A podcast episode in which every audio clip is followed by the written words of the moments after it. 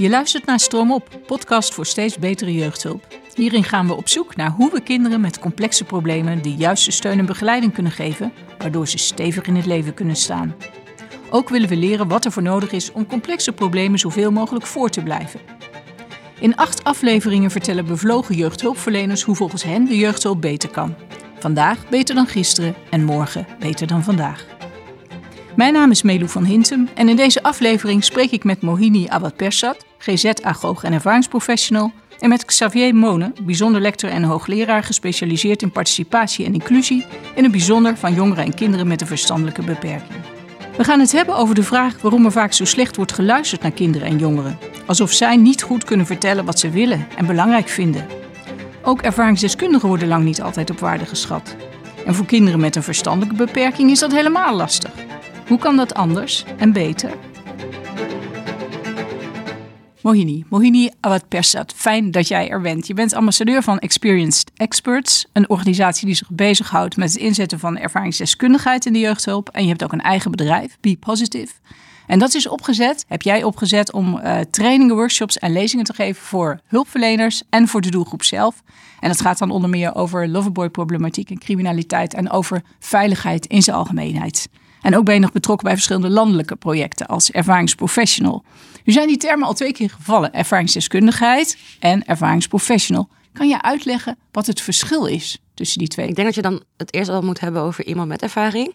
Want die kan je al heel goed inzetten uh, als het gaat om ter inspiratie op een bijeenkomst. Of uh, om te kijken wat daar, nou ja, wat in die verhaal, wat je daarvan kan leren als professionals. Hè? Dus iemand met ervaring kan heel goed mee participeren. En nou ja, je kan het ondervatten onder jongerenparticipatie, als het gaat om jongeren dan. Mm En daarnaast heb je ervaringsdeskundige. Een ervaringsdeskundige is iemand die ervaring kennis heeft opgebouwd. Uh, op basis van zijn eigen ervaring, maar ook op de basis van anderen. En dat op een collectief niveau kan dragen. En deze uh, met allerlei vaardigheden kan inzetten. Dus dat kan zijn als een maatje zijnde. Dat kan zijn als uh, een voorlichting op school. Nou ja, dat soort dingen. En dan heb je ook nog een ervaring professional. Mhm. En in mijn ogen ben ik ervaring professional, omdat ik gewoon op de reguliere tour een HBO-opleiding heb gevolgd, MWD, GGZ-agoog. En ik zet mijn deskundigheid in op mijn ervaring. Een ervaring professional kan ook iemand zijn van het MBO die de vaardigheden heeft geleerd om uh, een doelgroep en zijn gezin daarin te ondersteunen. Mhm. Dus het gaat veel meer om de vaardigheden en niet zozeer om uh, de niveau van opleiding, maar veel meer nou ja, hoe ver ben je met je ervaring? Hoe zet je het in? Is het echt een instrument? Of uh, kan je nog niet helemaal erop reflecteren? Dan zou je daar toch nog een beetje in moeten getraind worden. Mm -hmm. En als je dan nou, het zodanig je eigen hebt gemaakt um, en het op een bepaalde manier inzet ten goede van het kind en het gezin, dan ben je voor mij deskundig. Mm -hmm. Dan ben je deskundig. Ja. ja. ja. En dan ben je nog geen professional, want daar hoort toch wel echt die, die opleiding ook bij, zeg jij?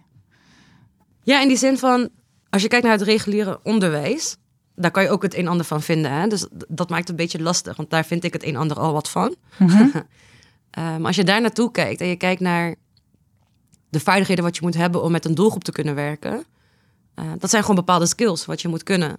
En ik denk als je die skills hebt en je hebt het, nou, net als met ervaringen, het zodanig jezelf gemaakt en onder de knie, um, ja, dan ben je professional. En dan maakt het voor mij niet zoveel uit of je nou WO afgestudeerd bent of MBO afgestudeerd bent of zelfs nog stage loopt. Het gaat veel, voor mij veel meer erom de kwaliteit wat je levert. Ik heb ook niet alles meegemaakt in mijn leven wat alle jongeren hebben meegemaakt. Want dan nee, zou mijn dat leven kan echt, nooit. Uh, ja, precies. Dat gun ik je. Dat is heel niet voor je. Nee, nee. uh, maar wat wel is, op collectief niveau kan ik wel begrijpen misschien uh, waar diegene vandaan komt een collega van Expex die is uh, bijvoorbeeld homo. Hij is heel vaak uh, ook uitgescholden en dat soort dingen. Ik ben bruin van kleur, dus ik ben ook heel vaak uitgescholden en andere dingen. Het zijn andere specifieke ervaringen, maar het collectieve niveau is dat we allebei weten hoe het is om anders te zijn. En als ik op die niveau met hem ga praten, of met iemand anders ga praten die worstelt met identiteit of geaardheid of wat dan ook, um, dan denk ik dat ik diegene makkelijker kan begrijpen. En dan zeg ik niet per se van. Uh, ik weet hoe je voelt, want ik ben ook bruin, ik ben ook anders. Dat niet. Mm -hmm. Maar dan gebruik ik juist zijn ervaring van. Oh ja, ik ken iemand die had dit verteld en uh, ervaar jij dat ook zo of niet? Als je dus op die manier, door het collectieve, kan je dan eh, makkelijker met iedereen een beetje binden. Hm, Dat betekent dan ook, dat je moet jezelf goed kennen. Maar je moet ook een team hebben waarin op die, die manier met elkaar wordt omgegaan. Want anders dan werkt het misschien ook niet zo goed. Het vereist ook wat van je team als je op deze manier gaat werken en eigenlijk die zeg maar, professionele distantie gaat inruilen voor nabijheid. Ja, ja. Want ja, ik geloof sowieso in pedagogische nabijheid in plaats van eh, pedagogische afstand. Want ik denk, ik denk juist in nabijheid ga je dingen eh, veranderen. Eh, vooral bij kinderen die zo vaak zoveel ellende hebben meegemaakt. Ze hebben, zij hebben juist die nabijheid nodig, denk ik. En die liefde en die warmte en genegenheid. Ehm, als je als professional daarin blijft van nee, het is mijn werk, ik moet afstand houden, dan zie je het kind niet meer als kind, ook al zou je dat willen. Heb jij een heel concreet voorbeeld van hoe je die pedagogische nabijheid kunt laten zien? Heb je, heb je dat zelf wel eens gedaan en dat je collega's toen dachten, huh, wat is Mohini nou aan het doen? Ja, zeker. Heel vaak eigenlijk. Heel vaak zelfs. ja, ik noem het ook bommetjes. Eh, maar een van de mooiste bommetjes eh, was op de groep. Dat, eh, nou, ik werk op een gesloten jeugdzorginstelling en ook nog op het GGZ-gedeelte. Dus dat betekent dat daar kinderen zitten die nou, worstelen met depressie of agressie of nou ja, best wel heftige problematiek. En er was daar een meisje die had anorexia en depressie. Dus wanneer ze in de anorexia-stem zat, zo noemen ze het zelf, Ehm dat was helemaal niet depressief, want hè, ze ging dan uithongeren. Of ze was dus heel depressief, omdat ze dus niet luisterde naar de anorexia-stem. Alleen bij haar zag je op de hele dag eh, af en toe de spanning oplopen. Dus op een gegeven moment, toen zij eh, thuis kwam, zat ik al naar haar te kijken. En toen zag ik al van, oké, haar, haar spanning begint op te lopen. En het is mooi, want het is pas in het begin. Dus in het begin kan je nog heel veel dingen doen voordat ze ontploft. En nou, we vullen een fasekaart in. Een fasekaart is dan zo'n kaart van de dag... eh, waarin wordt gekeken van nou, hoe ze, of ze heeft gegeten... of nou ja, een paar doelen, eh, hoe de dag is verlopen. En ik riep haar om op kantoor te komen bij mij. Op mijn schoot te komen zitten en eh, met die fasekaart vormen. En met haar samen dat in te vullen. Nou, eerst heb ik haar zelf het laten invullen en haar gevraagd tijdens dat invullen hoe het was. Ik zie het ook helemaal voor dat ze op haar schoot zit. En in tussentijd aaide ik haar rug en eh, speelde ik een beetje met haar haar en dat soort dingen. En een paar collega's liepen langs en ik zag ze al kijken, maar ik had niet per se door dat ik nu iets deed wat heel raar was of zo. Want ik wist, ik ben nu bezig met haar spanning omlaag halen. En soms helpt het niet om te praten, maar moet je er gewoon zijn.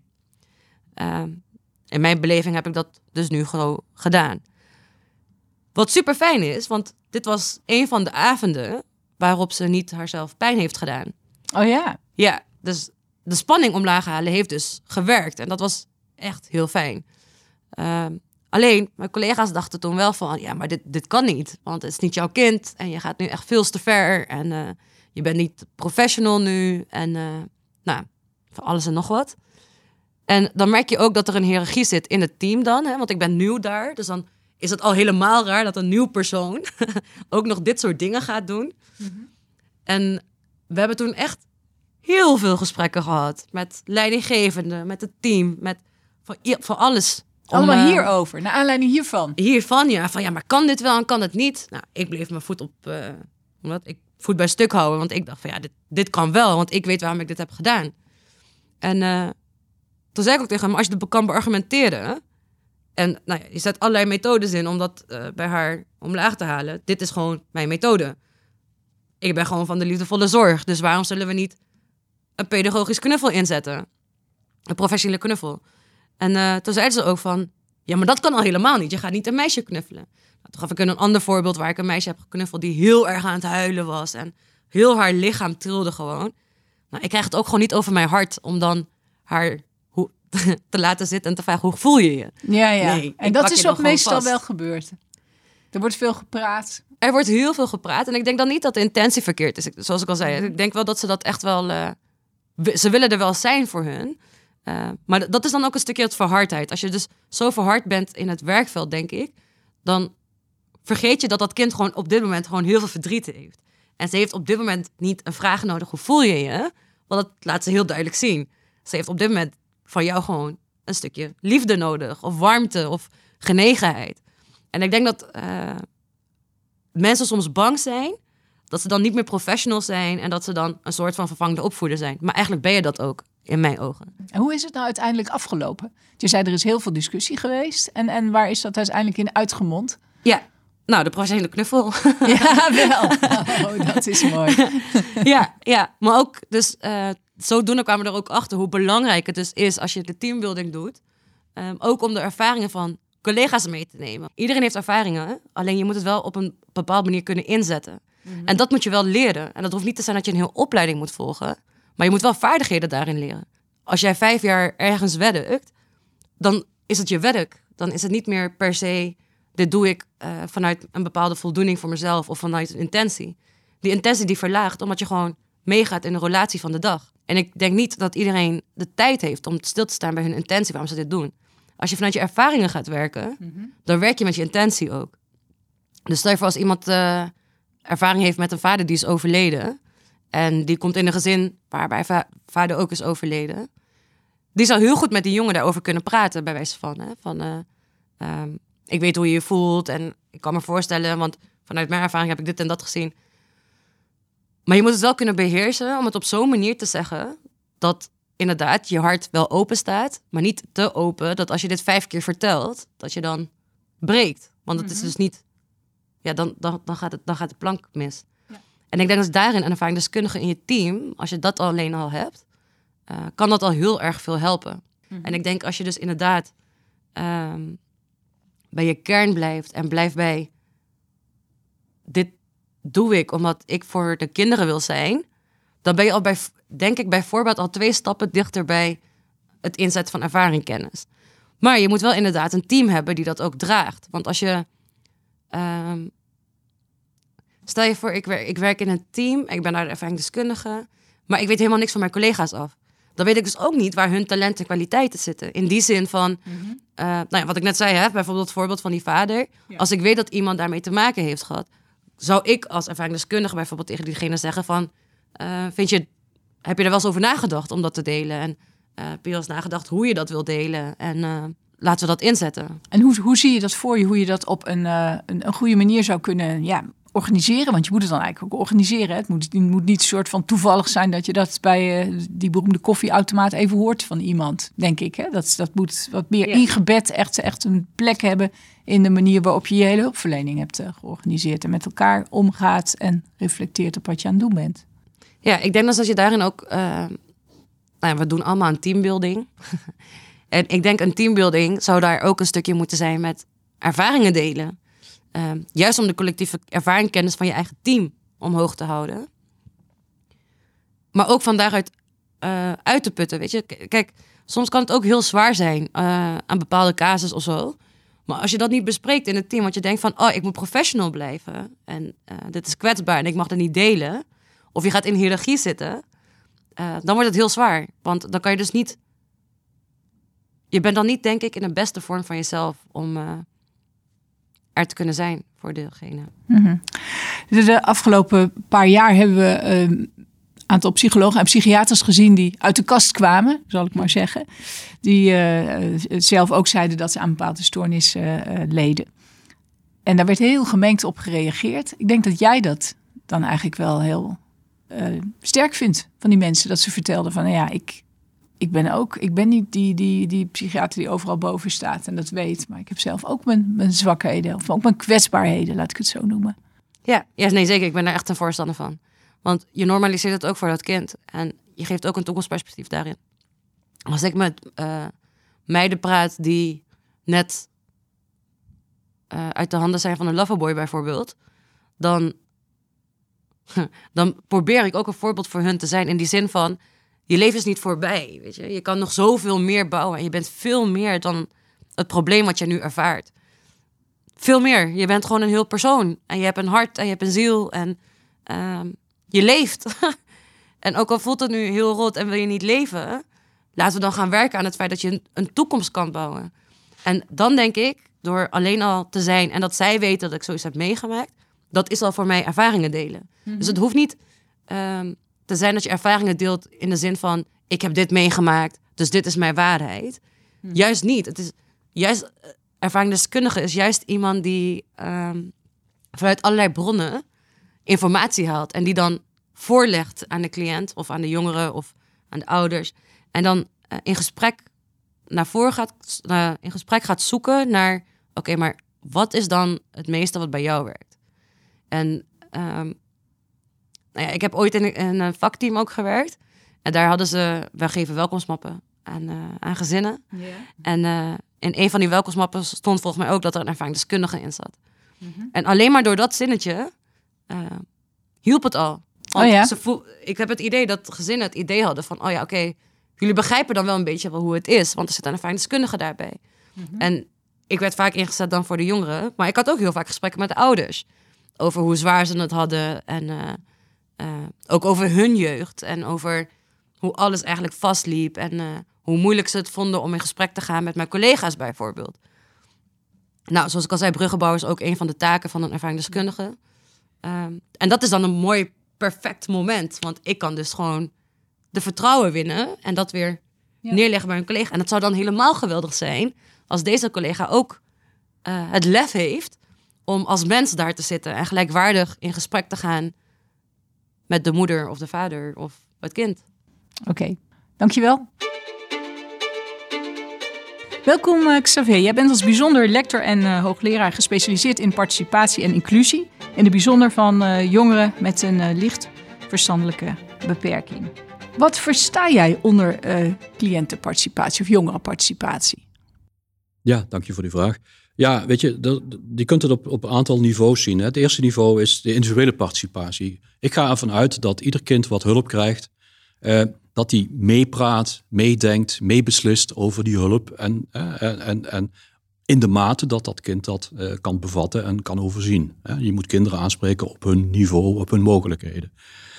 Dat is de eerste vorm van participatie. De tweede vorm van participatie is een meer collectieve vorm. En dan kun je denken aan cliëntenraden, uh, of, uh, dat, dat soort vormen van participatie, waarbij de organisatie waar een kind bij in opgenomen is of waar die, die, die, waar die hulp van krijgt, mm -hmm. dat die in gesprek gaat met een groep kinderen over, over het klimaat, over de, de wijze van, van hulpverlening, over alle andere aspecten.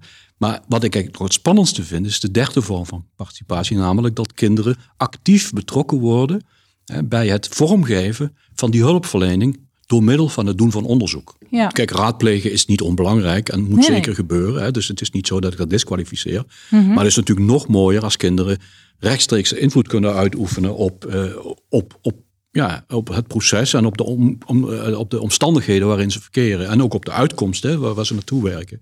En welke leeftijd hebben we het dan over? Want we hebben het over kinderen. Sommige mensen zullen denken aan kinderen van vier en anderen aan kinderen van veertien. Misschien nou, is het wel. ja, onderzoek wat we gedaan hebben, dat, dat begon met kinderen van vier, vijf jaar. Ja, dus, en die eh, kunnen meedoen en vormgeven aan onderzoek. Kinderen, nou, nu zitten ja. allerlei mensen met hun oor te klapperen. Dit moet je echt even uitleggen. Ja, nou ja, weet je, dan moet je dus denken aan... Uh, aan dingen die kinderen van 4, 5 jaar, die, die, waar ze iets over kunnen zeggen. Als ik, als ik bijvoorbeeld denk aan een onderzoek wat collega's in België gedaan hebben, dan ging het over inrichten van, van speel, speelterreinen in de directe omgeving van jonge kinderen. Nou, daar kunnen kinderen best in actief in participeren om te zeggen van hoe zij denken ja, dat zo'n speelterrein er moet uitzien. Zij kunnen, kunnen niets zeggen over uh, over een aantal architectonische of, of, of, bouwkundige zaken, maar wel over wat zij spannend of niet spannend vinden, wat zij interessant mhm. of niet interessant vinden, wat zij veilig en niet veilig vinden. Daar kunnen ze heel ja, ook over veilig en niet veilig. Zeker, zeker. daar kunnen ze mm betekenisvolle uit, uh, uitspraken over doen. Heb je een voorbeeld van dat, dat zoiets heeft plaatsgevonden en dat ja, de kinderen echt dus iets verrassends hadden? We hebben bijvoorbeeld onderzoek gedaan naar, uh, dat was overigens bij kinderen met lichtverstandelijke beperkingen, naar, uh, naar de nachten, de nachten in het instituut. Ja? Uh, ja, je moet je voorstellen, die nachten, ja, dan ligt het kind op zijn kamer en dan is het stil. Ja, je bedoelt dan kinderen die in de jeugd, die jeugdzorg in zitten. Ja. ja. Nou, in dat instituut was het zo dat er niet mensen lijfelijk aanwezig waren, maar dat, uh, dat, uh, dat er, als er geluid was, er was dus een geluidsregistratie, als dat een bepaald niveau overschreed, dan kwam iemand het gebouw binnen en ging kijken wat er aan de hand was. ja, goed, daar kun je van alles van vinden, maar dat was zo georganiseerd. En toen wij daar met kinderen over spraken, toen vertelde zij eh, van hoe angstaanjagend dat eigenlijk is. Als het heel stil is en opeens gaat de deur open, gerammel van sleutels. Hè, er gaat ergens anders een deur open, er gebeurt wat. En zij liggen op hun kamer en horen dat allemaal. daar had nog nooit iemand over nagedacht. En Hmm. ja, toen kinderen die feedback gaven, hè, en eh, dus op basis van, van, van een aantal stappen in onderzoek, maar daar kunnen we het dadelijk misschien over hebben, van hoe, hoe, hoe we dat soort dingen aanpakken. Ja, ja, toen is dat beleid veranderd. Want ja, men, dat willen we natuurlijk niet, dat kinderen angstig zijn. Terwijl er geen enkele reden voor angst hoeft Nee. te zijn. Hè? Alleen omdat de, het, het systeem zo ingericht is. Ja, ja. En wat hebben ze toen aangepast? Daar ben ik dan wel benieuwd naar. Nou, eh, men, men, men, men is zich er veel meer van bewust geworden. Hè? Dat, dat afluisteren of dat inluistersysteem, het heet een inluistersysteem. Ja, dat, is, dat wilde men handhaven, want dat heeft met kosten te maken, nachtdiensten, de, eh, waakdiensten of niet. Hè? Maar men is dus wel, men heeft eh, andere schoenen gaan aandoen, men heeft die deuren anders eh, geïnstalleerd. Is Kunststofsleutels. met wie je sleutels niet meer gaan rammelen. Eh, en, eh, en ook, eh, men is met kinderen de volgende dag gaan praten als er, als er, als er dingen waren geweest van. Ja, om even eh, te peilen van, ja, was er, hoe, hoe- hebben jullie iets gehoord? Hebben jullie ergens last van? Dus men is actiever erop ingegaan. Dus ja, dat, dat zijn dan toch mooie resultaten. Ja, want, want de kinderen die vonden ook daarna dat het, nadat die verbeteringen waren doorgevoerd, die veranderingen waren doorgevoerd, dat het ook echt beter. In, in ieder geval, ja, eh, ja kregen ze een stellig, ze gaven de feedback van, ja, er wordt naar ons geluisterd. En dat is denk ik het belangrijkste. Ja, en dat is dan kennelijk toch wel een beetje bijzonder dat er naar kinderen wordt geluisterd. Ja, ja. Wij, kijk, eh, er zijn heel veel professionals die denken heel veel te weten over kinderen. Hè? Terwijl als wij kinderen zelf bevragen, dan horen we soms dingen die ons heel erg verrassen. Om, hè, dat is in feite ook eh, de, een van de startpunten voor mijn, mijn eh, carrière als onderzoeker geweest. Ik, ik ben heel lang verantwoordelijk geweest voor, voor de behandeling van een heleboel kinderen. Ook met lichtverstandelijke beperking in dit geval. En die trof ik dan soms later, hè, als ze al uit, uitgevlogen waren. En ik kwam ze dan als, als jongvolwassene, kwam ik ze tegen. En dan gingen we eens bij elkaar zitten. Ja, goh, hè, herinneringen ophalen. En dan vertelden ze me zaken waarvan ik dacht, dat, die herken ik helemaal niet. Ik heb een hele andere herinnering aan jou en aan, aan, aan die omstandigheden dan dat jij mij nu vertelt.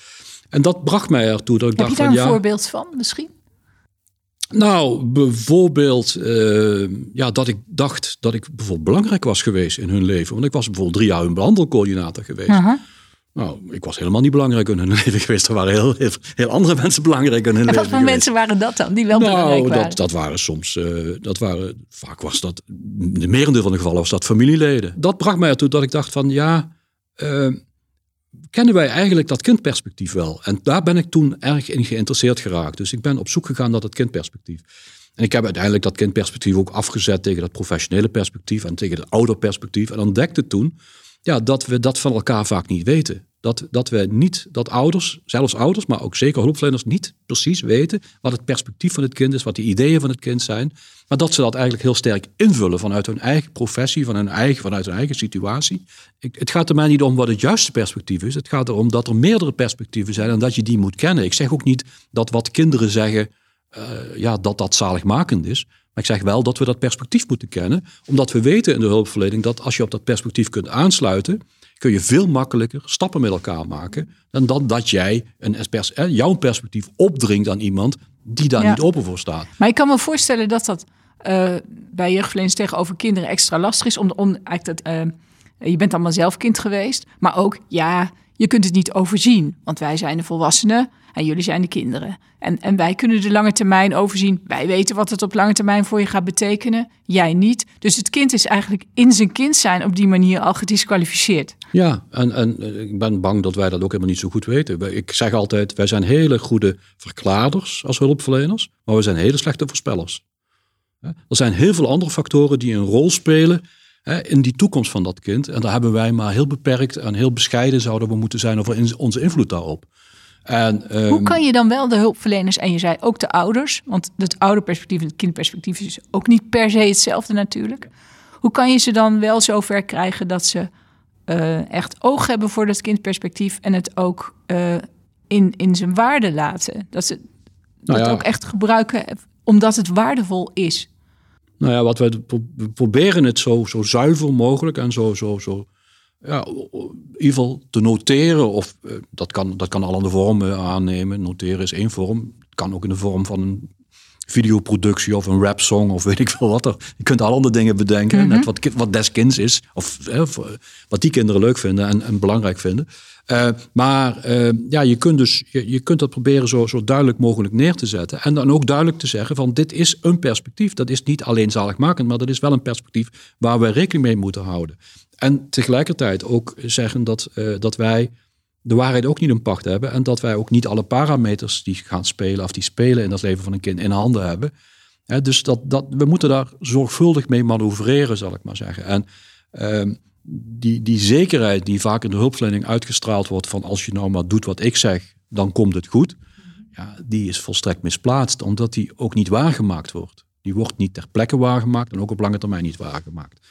Dus het, het moet veel meer in de zin van een dialoog en, eh, en, en op basis van gelijkwaardigheid gebeuren. Het gaat natuurlijk in essentie om machtsstructuren. Ja. En eh, we, we weten dus dat, dat als, als, als wij, dat geldt voor ons allemaal, maar dat geldt zeker ook voor kinderen en jongeren, als die, als die, het, als die het idee krijgen dat zij, eh, dat zij invloed kunnen uitoefenen op hun omgeving, ja, dan, dan, dan bevordert dat heel sterk hun veerkracht. We hebben onderzoek daarna gedaan en dus veerkracht een heel belangrijk fenomeen. Ik bedoel, als wij niet veerkrachtig kunnen reageren, dan, dan gaat het slecht met ons, zowel psychisch als lichamelijk slecht met ons. Hè. En dus heel veel kinderen die dus in feite alle beslissingen uit handen genomen worden, die zullen niet veerkrachtig reageren en die lijden dus met, hè, met lange ei eh, onder hulpverlening. in Vertel dat ook maar eens aan die ouders die die achterbankkinderen hebben. Ja, dat, goed, dat, dat, dat is, dat terzijde. is natuurlijk breder. Ja, zeker, zeker. Dat is Ja. breder. Maar, maar dus, ehm, als we wel invloed kunnen uitoefenen op, op omstandigheden en omgeving, dan, dan bevordert het de veerkracht. Dus dat, is heel positief voor, voor, voor hulpverlening in feite. Dus daar waar kinderen enigszins kunnen, ze mee laten beslissen, mee laten denken, mee laten resoneren op, op, op alle beslissingen in feite. En dat gaat dus over hun eigen hulpverlening, over de omstandigheden waarin ze hulpverlening krijgen, over het perspectief. Ja, dat bevordert eh, heel sterk de, de, de mogelijkheden van, van, van goede hulpverlening. Dus ja, dat, daar moeten we echt, echt naartoe. Nou ben jij ook gespecialiseerd op eh, eh, de, die, zeg maar de, de, de participatie van eh, kinderen met een licht verstandelijke beperking. Dan, dan denk ik, oh, dat, dan moet je nog een extra slagje maken misschien. Ja, dat is, is- dat niet nog, is dat niet nog... Het, het- mensen vinden het dan al lastig om een kind serieus te nemen. Een kind dat licht verstandelijk beperkt is, is misschien nog lastiger. Ja, ik weet dat ik in 1998, al heel lang geleden, eh, vertelde dat ik dat van plan was te gaan doen. Dus bij, bij kinderen en volwassenen met verstandelijke beperkingen, die, zou ik, die wilde ik graag opleiden tot wetenschappelijk onderzoeker. Die studenten zaten daar zo'n beetje met een, met, met hun wijsvinger op het voorhoofd te tikken van, eh, dat kan toch niet? Nou, we zijn nu dus eh, meer dan twintig jaar verder. En we hebben, we hebben daarover gepubliceerd. We hebben, daar, we hebben wetenschappelijk onderzoek gedaan. We hebben resultaten laten zien. Kun je ons daar iets over vertellen? We, zien dus dat, dat, dat, eh, dat het welbevinden toeneemt. We zien dat, nou ja, dus ten eerste zien we dus dat, dat, dat ze een aantal dingen realiseren waar ze heel veel last van hebben. Dus dat ze realiseren dat dat anders wordt. Dus dat, is- dat is hun directe resultaat. Maar als ik dan kan kijken naar de psychologische make-up, en, en, en dan zien we dus dat, dat, ze, dat ze minder probleemgedrag laten zien. Dat ze, dat Omdat ze, ze omdat ze gehoord bij, bij dat worden. wetenschappelijk onderzoek betrokken Omdat ze gehoord zijn. worden, omdat ze betrokken zijn, omdat ze het idee hebben, ik heb invloed op mijn omgeving. Ja, ja. En, dat, en dat, daar wordt ook naar mij geluisterd. Ehm, en we zien dus dat, dat, dat hun zelfvertrouwen toeneemt, dat hun coöperatievaardigheden toenemen. Dus naar dat soort dingen kijken we dan. En dus we, we zien dat het, dat het zin heeft. En het is, eh, ja, het, het is eigenlijk niet met de vraag kan het, maar de vraag is van eh, wanneer, waarom doen we het niet? Je moet het wel zorgvuldig doen. Ja, en, en dat is Het ook kan niet zomaar. Nee, het, het is, eh, kijk, als je het over, kinderen met, met lichtverstandelijke beperking hebt, dan, dan moet je, dan kan het allemaal. Je kunt ook, bedoel, je kunt dezelfde stappen volgen als die, die je bij, bij kinderen zonder beperkingen doet. Je hebt daar ook tips over, Ja. toch? Volgens mij een, Ja, een, eh, ja. een, een, een boek. We hebben een boek geschreven, Kinderen en Jongeren actief in wetenschappelijk onderzoek. Dat heb ik samen met, met drie collega's geschreven. En verder heeft, hebben we een hele mooie, eh, mo- mooie publicatie van de Stichting Alexander in, eh, in Amsterdam. Dat is een stichting die zich eh, bezighoudt met jongerenparticipatie. En ik mag daar in het bestuur zitten. En de stichting Alexander heeft een, een boekje gemaakt. 25 25 vuistregels voor jeugdparticipatie. Kun je gratis op hun website downloaden. En daar krijg je een schat van informatie over wat je, waar je allemaal aan moet denken als je met jeugdparticipatie aan de slag gaat. Dat zijn heel veel mooie voorbeelden. Ook, die, die vind je ook terug in die, in die publicaties, in beide publicaties. Ehm, maar ehm, je moet het wel zorgvuldig doen. En daar ontbreekt soms de tijd, de moeite of, de, of het enthousiasme voor. Ehm, ik ben nu eh, bezig uh, om, om dit nu ook te laten landen in het onderwijs en in het speciaal onderwijs. En daar zijn nu een aantal organisaties, een aantal schoolorganisaties die daar initieel interesse in hebben. En we hopen nu met zo'n eerste, met zo'n eerste pilot die we nu aan het doen zijn in Amsterdam, ja, om te laten zien van wat het oplevert. Uh, en dan hopen we dat, dat het goede nieuws zich dan verspreidt eigenlijk. Ja, wat, ja. Is, wat is jouw Waar hoop je op? Wat, is jouw, ideaal als je hierover nadenkt? Wanneer zou je helemaal, helemaal blij zijn? Ja, dat het vanzelfsprekend is. Hè? En uh, het, het is al niet vanzelfsprekend op individueel niveau, want er wordt wel vaak uh, ja, gesproken, maar of er echt ook goed geluisterd wordt, daar, daar kun je ernstige vragen bij stellen. Op dat collectieve niveau, ja, dat wordt toch soms wat, wat te makkelijk gezien als een, als een moet je dat afgevinkt moet worden. Dan hebben we ook met, met de jongeren, hebben we ook jongerenparticipatie, dat hebben we georganiseerd en daar praten we eens in de zoveel tijd mee. En dat echt die jongeren echt inzetten, laat ik maar zeggen, in wetenschappelijk onderzoek. Hè. En ze zelf aan de slag laten gaan met wetenschappelijk onderzoek. En die resultaten ook vertalen naar kwaliteitsverbetering in de jeugdhulp. Ja, dat is nog schaarser. Maar de goede voorbeelden zijn er. En uh, degene die dat gedaan hebben en dat ook uh, uh, ja, die zijn er eigenlijk alleen maar enthousiast over. Dus ja, het is ook een kwestie om er aan te beginnen. En ja, er zit, zit genoeg kennis in Nederland hè, om, om organisaties daarbij te ondersteunen. Dus ik zou zeggen, ga aan de slag. Ja. Dankjewel. Dit was een aflevering van Stroom op, een achtdelige podcastserie waarin we onderzoeken hoe we de jeugdhulp kunnen verbeteren. Aan deze aflevering werkten mee Mohini Awad Persat, Xavier Monen, Jochem Tames en Melou van Hintem. Stroomop, podcast voor steeds betere jeugdhulp, wordt gemaakt door Stroomop samen met BGZJ, branches gespecialiseerde zorg voor jeugd. De acht afleveringen vormen de aanloop naar Stroomoploop, het congres voor jeugdhulpprofessionals die verder willen kijken en dieper willen graven om de jeugdhulp te verbeteren. Deelname aan dit congres is gratis. Meld je aan via de website bgzj.nl.